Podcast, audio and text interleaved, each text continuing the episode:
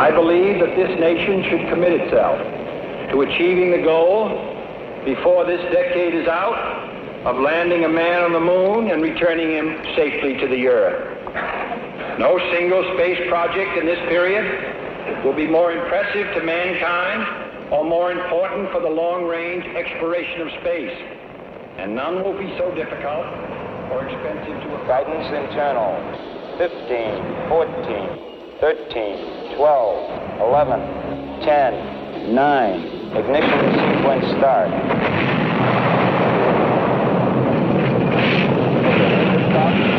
Four fifteen is in. We copy you down, Eagle. Houston, uh, Tranquility Base here. The Eagle has landed. The Eagle has landed. Met daardie woorde 50 jaar gelede is die mensdom se oeroue strewe om die mistiek van die maan te ontrafel volbring. Die ouderdom van die maan is 4,53 duisend miljoen jaar. En in die geskiedenis van die mensdom het die maan deurentyd 'n belangrike rol gespeel. In die oertye het ons maan 'n sentrale rol gespeel in sekere godsdienstpraktyke. Maanaanbidding gaan terug na die paleolitiese en neolitiese tye. Professor Alex Duffy Aanbidding van die maan is goed bekend uit die vroegste geskrifte van antieke Egipte, Mesopotamië, Assirië, Indië en China en bestaan vandag nog onder sekere Afrika volkere en die Amerikaanse Indiane. Maanaanbidding is gebaseer op die geloof dat daar 'n verband bestaan tussen die fases van die maan en die lewensiklusse van plante, diere en mense. Die maan se groei en afneem het dit 'n simbool van tyd, verandering en herhalende siklusse wêreldwyd gemaak. Mettertyd het die mensdom die maan verbind met beide geboorte en dood. Maanaanbidding het sonaanbidding voorafgegaan. Verering van die maan het hoogtyd gevier gedurende die jagterstydperk. Terwyl sonaanbidding die hoofgodsdienst tydens die landboutydperk geword het. Oral in Engeland, Ierland en Europa is daar prehistoriese sirkelvormige grafheuwels waar die oermense hul dooies begrawe het. Argeoloë beweer dat bouers van hierdie sirkelvormige grafheuwels maanaanbidders was. Die antieke terrein by Newgrange in Ierland wat beskou word as die wêreld se oudste menslike strukture is ook sirkelvormig. Ja, so as jy mens nou kyk na die na die verskillende nasies oor die jare oor die eeue heen uh, uh, uh en die gelowe wat volgens die maan uh en netlik die sterre die stories wat hulle gaan oorvertel daar rondom die vuur um dan dan kry jy 'n klompie interessante goedjies die die die die koi koi uh um, se naam vir die maan was die terugkeerder so ons weet die maan na 29 en 'n half dae uh, van volmaan dan gaan hy weer deur sy siklus nuwe maan toe en na 29 half dae is dit weer volmaan. Um uit die aard van die saak met volmaan is die maan op sy helderste. So dit is natuurlik wanneer hulle hierdie tradisionele danse rondom die vuur ensovoorts gedoen het. So dit was 'n uh, 'n jolige tyd uh om om lig en lewe te te vier. Die die die Son of die Boesman het uh eintlik ook wonderlike stories gehad. Um en interessant genoeg, hulle het uh, die maan as manlik of vroulik geassosieer afhangende van die fase. So wanneer daar skerp puntjies aan die maan is, so dit wil sê eerste kwartier of voor eerste kwartier die die, sekelmaandjie uh en uh, en dan weer na laaste kwartier uh het hulle die maan as manlik beskou uh as gevolg van die skerp puntjies en dan 'n ronde vorm van die volmaan en die boggelmaan het hulle weer as as vroulik beskou. Um en en hulle het volmaan geassosieer met 'n tyd van satisfaksie, baie kos, oorvloed ensovoorts. En dit is interessant dat dit hierdie uh volmaan en en assosiasie met voorspoed is is nogal deur baie baie van van die nasies.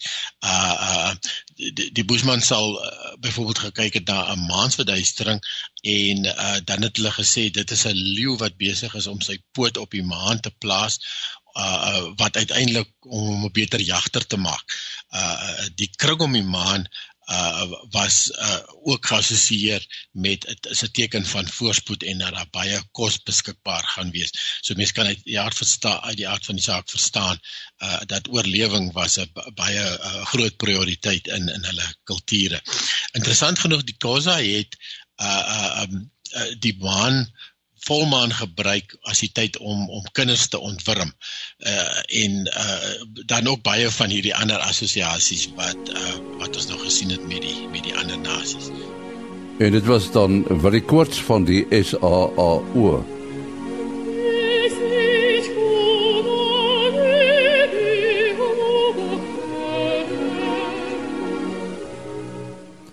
Die man het ook 'n rol gespeel in talle liefdesverhale en musiek soos die lied oor die silwermaan uit Rusalka van Dvorak.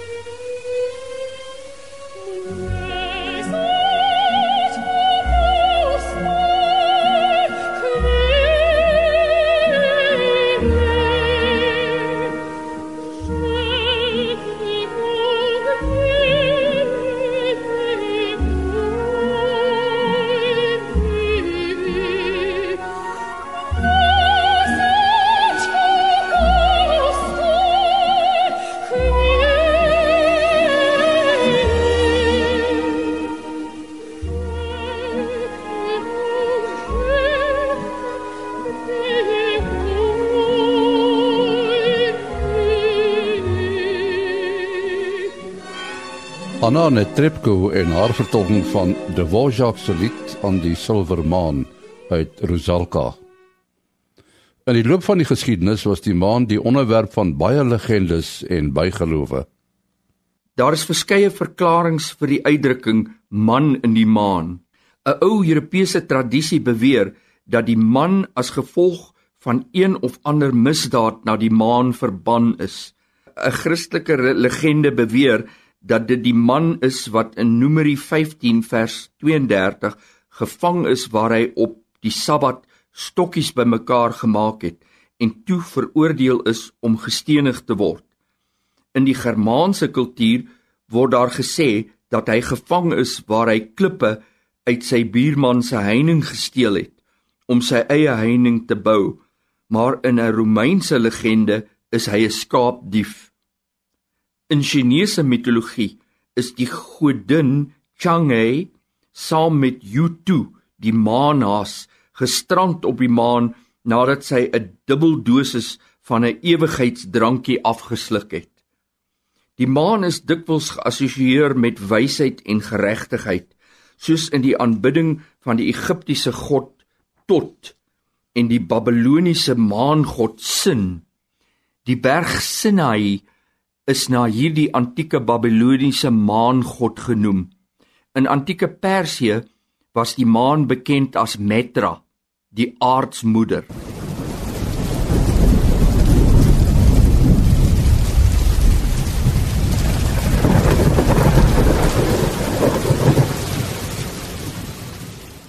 Daar is mense wat vasglo dat as jy met die maan plant, behaal jy sukses. Maar soos Johan van der Berg landbou weerkenner sê, is daar eintlik min om die siening wetenskaplik te ondersteun. Uh dit het meer 'n magiese effek uh want uit die uit die wetenskap is daar nie regtig maar baie groot uh aanduidings dat die maan groot invloed het nie. Dit het wel 'n invloed uh op veral die die grondwater. Net soos wat die getye van die oseane beïnvloed word uh, deur die deur die maan is daar ook 'n siklus uh of of, of wat wat deur die maan of uh, invloed van die maan op die grondwater se hoogte. En uh, dit kan tydens volmaan en nuwe maan is die water as gevolg van die aantrekkingskrag van die maan nader aan die oppervlakte. Dit kan 'n paar sentimeter wees. Dit hang ook maar af van baie faktore van van hoe beskikbaar is die grondwater, hoe ver is dit van die oppervlakte. Uh maar daar is 'n invloed wat dit betref. So ek weet daar's 'n maankalender of 'n maansiklus uh en baie mense glo daaraan uh, dat uh sade as jy sade plant van groente of vrugte uh wat bo-gronds dra, dan plant jy dit as die maan groei uh of uh, met nuwe of met volmaan. Uh weer uh, ondergronds uh as die maan afgaan, weg van van vol of uh, weg van volmaan na nuwe maan se kant af. So daar is 'n tipe van 'n siklus, maar dit is nie baie sterk nie. 'n Mens kan eerder gaan kyk uh, ook uh, na die invloed wat dit op die weerstelsels het. En dit is ook 'n baie baie swak stelsel of 'n baie swak invloed. Net soos wat daar by die oseane die uh, getye uh, verander, uh, het die maan ook 'n invloed op die aantrekkings of die uh, aantrekkingskrag van die maan op die weerstelsels en is daar het iets wat van 'n van 'n uitbulting of uitstulping van die van die stelsels meer in die uh atmosfeer tydens volle nuwe maan. Ehm um, want uh, in in daarmee saam versterk dit eintlik dan ons laagdrukstelsels uh wat op daardie oomblik dan uh, heers of wat op die oppervlakte is. Want dit kan hierdie laagdrukstelsels so effens sterker maak. Nou reeds lank terug was daar mense wat gedink het dat dit tog moontlik moet wees om maan toe te reis. Maar daarvoor het 'n mens 'n vervoermiddel nodig soos 'n vuurpyl. Waar het die ontwikkeling van vuurpyle eintlik begin? Professor Pieter Meintjies, hoof van die departement sterrekunde aan die Universiteit van die Vrystaat. Ek gaan die storieetjie begin by uh by 1903 toe Konstantin Tsiolkovsky in Rusland basies die eerste teoretiese beginsels neergelê het vir vuurpyllansering deur gebruik te maak van die sogenaamde aksie-reaksie beginsel. Daarde as jy 'n vuurpyl brandstof brand dan uh, spuit dan natuurlik gasse agteruit en natuurlik in terme van momentum behoud kan dit gebruik word om 'n 'n vuurpyl dan nou aan te dryf. Ehm um, so met ander woorde dit is eintlik waar dit in die weste begin het in Rusland in 1903. Maar dan was daar ook ander uh, protagoniste gewees wat ook hulle oë op die ruimte gehad het. Uh, in Duitsland was daar Hermann Obert. Hy was 'n uh, Duitse vuurpyl pionier. Hy was van Oostenryks-Hongaarse afkoms en hy wou eintlik baie graag uh, vuurpyle gebruik het om die ruimte te verken. Uh, sy groot ambisie was om 'n uh, nuwe wêreld te gaan verken uh vir basies uh, vir uh, om um, mense te gaan uh, gaan plant of om om beskawings te gaan plant. So hy het baie baie ver in die in die toekoms ingedink. Uh en natuurlik was dit in Amerika was uh, die ander groot pionier Robert Goddard. Uh en Robert Goddard het die eerste uh vloeibare brandstof vuurpyl gelanseer in 1926 en die vuurpyl kon 'n uh, 'n uh, topspoed behaal van ongeveer 900 uh, km per uur. So dit was absoluut merkwaardig in daai tyd gewees. So met ander woorde alles het ontstaan in die weste kan mens nou maar sê uh deur middel van die werk of die drome wat Herman Oberg gedroom het en ook die pionierswerk wat Robert Goddard gedoen het, maar alles is natuurlik gebaseer op die uh, fundamentele teoretiese werk wat uh, Konstantin Tsiolkovsky in Rusland gepubliseer het in 1903. Maar uh, wat is 'n maan presies? Professor Mati Hofman van die Universiteit van die Vrystaat en die digitale planetarium op Naval Hill sê dit is 'n natuurlike satelliet wat om 'n planeet wendel uh wat in 'n baan deur daardie planeet uh, via sy gravitasiekrag gehou word. Uh die aarde het een maan, uh wel een prominente maan, daar was al sprake van baie klein uh ander maantjies, uh maar dit, dit word nie so algemeen aanvaar nie tot uh, die groot gasreuse Jupiter, Saturnus. Uh, mense hou nie mooi tred met hoeveel maane hulle het nie.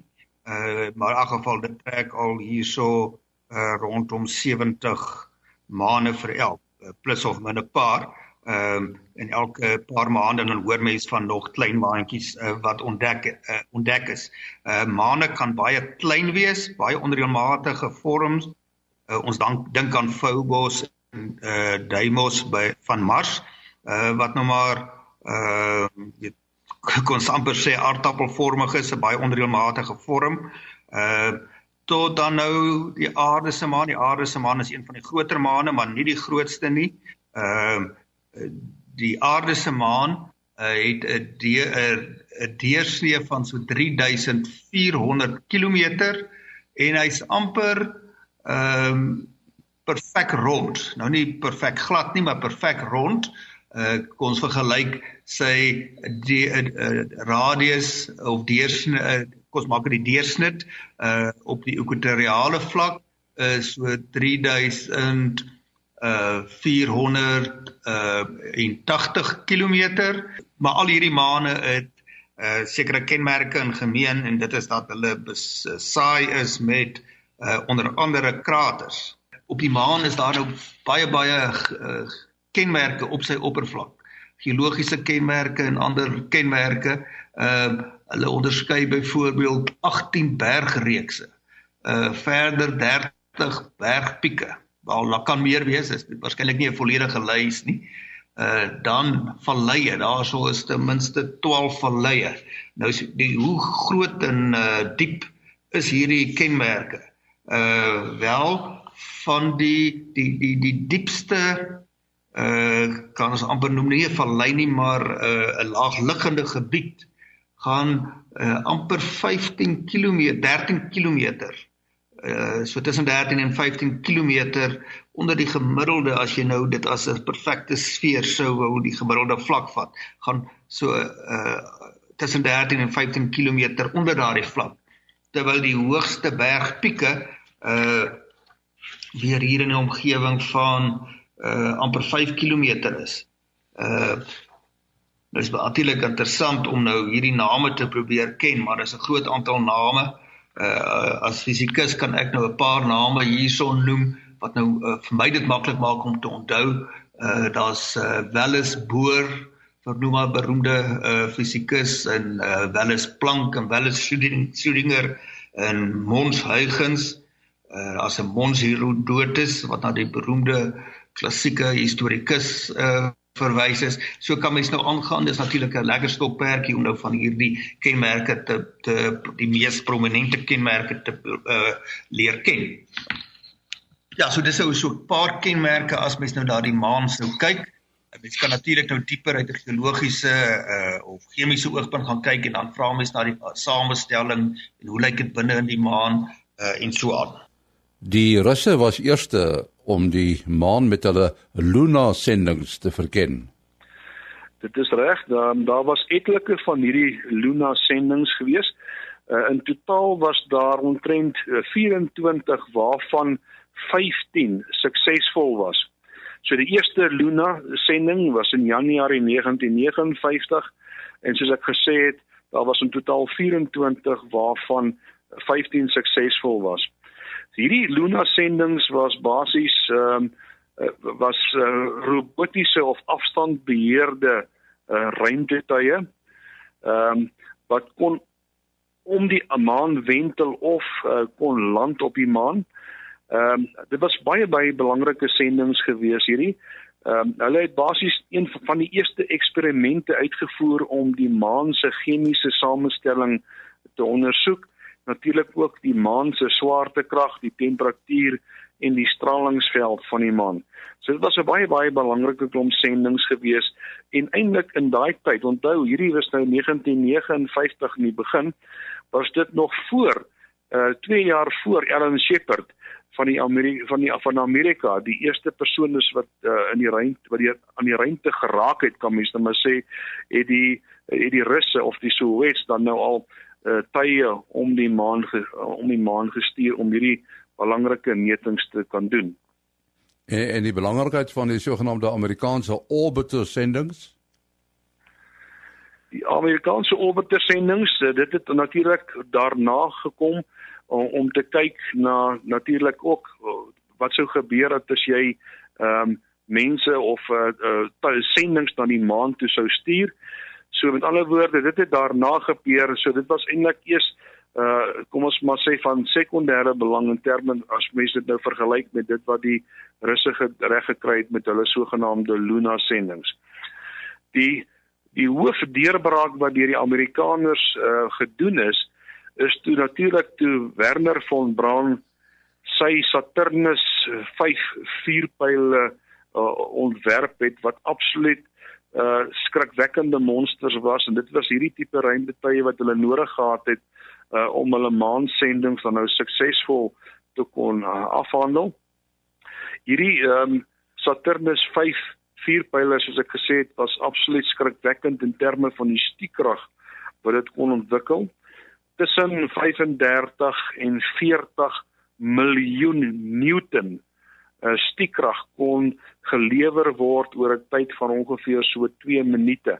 So natuurlik was daar verskillende of etlike fases van so 'n danige vuurpyl om natuurlik sy volle vrag uit die aarde se swaartekrag te kry uh om dit natuurlik na na die maan toe te stuur. Maar waarom die groot drif om maan toe te gaan? Dr. Japie van Sail van Hydrosat sê uit 'n wetenskaplike oogpunt is die sendings na die maan baie belangrik.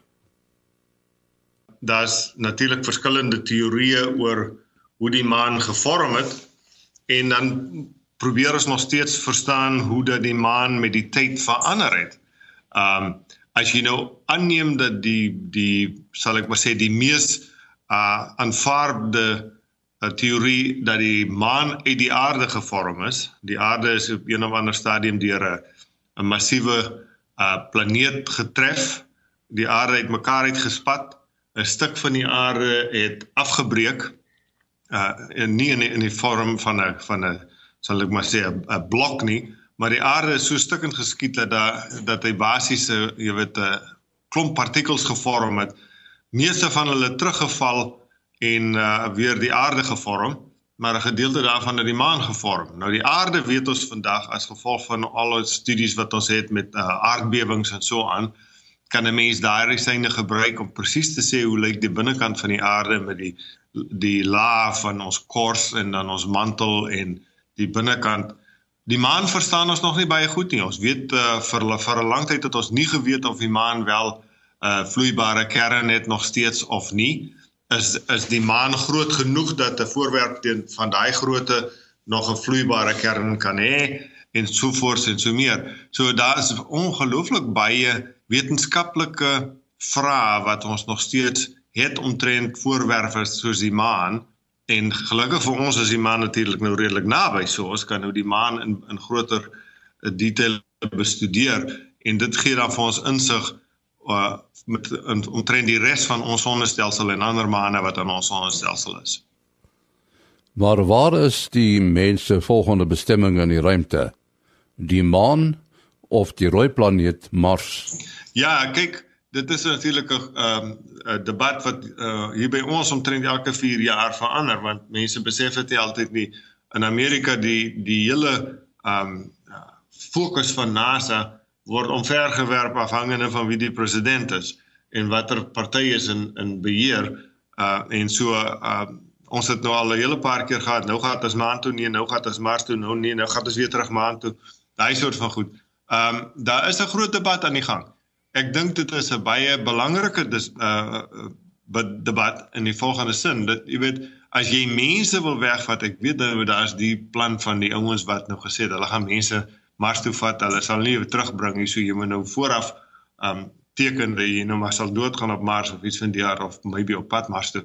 Maar as 'n mens dink daaraan as jy nou werklik waar 'n uh, verkenning wil doen wat vir die langtermyn um daar is, daar's baie baie voordele om um sal ek maar sê halfwegstasies te hê soos die maan. Want jy kan voorrade makliker maan toe vat en dan van die maan af het jy baie minder energie en so aan nodig om van daar af Mars toe te gaan of daar van daar af na die asteroïdes toe te gaan om hulle te gaan uh myn en so voort. Uh so daar's baie voordele daaraan om maan toe te gaan. Die nadeel natuurlik is almal sê kyk op Mars het jy nog 'n kans dat daar uh jy goed daar kan groei en so aan want daar is daar 'n atmosfeer wat jy kan gebruik alhoewel hy nou baie dun is en so voort. So nou op die maan weet ons jy kan jy kan nie sulke goeders doen nie. So waarom wil jy nou die geld mors om eers op die maan 'n basis te gaan bou? So dis 'n baie belangrike debat en is 'n baie interessante idee om te sê wat is die regte plan? Gaan nou nou direk na Mars toe waar jy dink jy kan wel uh die plek koloniseer uh in 'n sekere mate en dit 'n 'n 'n leefbare plek maak of gaan jy nou eers maan toe gaan om te gaan leer hoe doen jy sulke goeters en dan gaan jy nou na Mars toe daarvan af. Um dis nie 'n maklike uh, antwoord ongelukkig nie want dit uh, beide van die goeters is baie duur om te doen.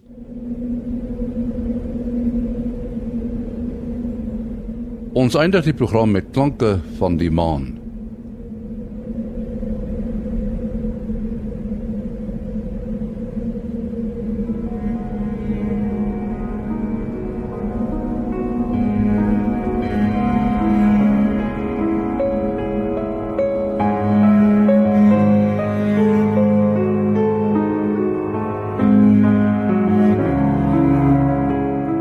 Ons hartlike dank aan Herman Turin vir sy insig en raad.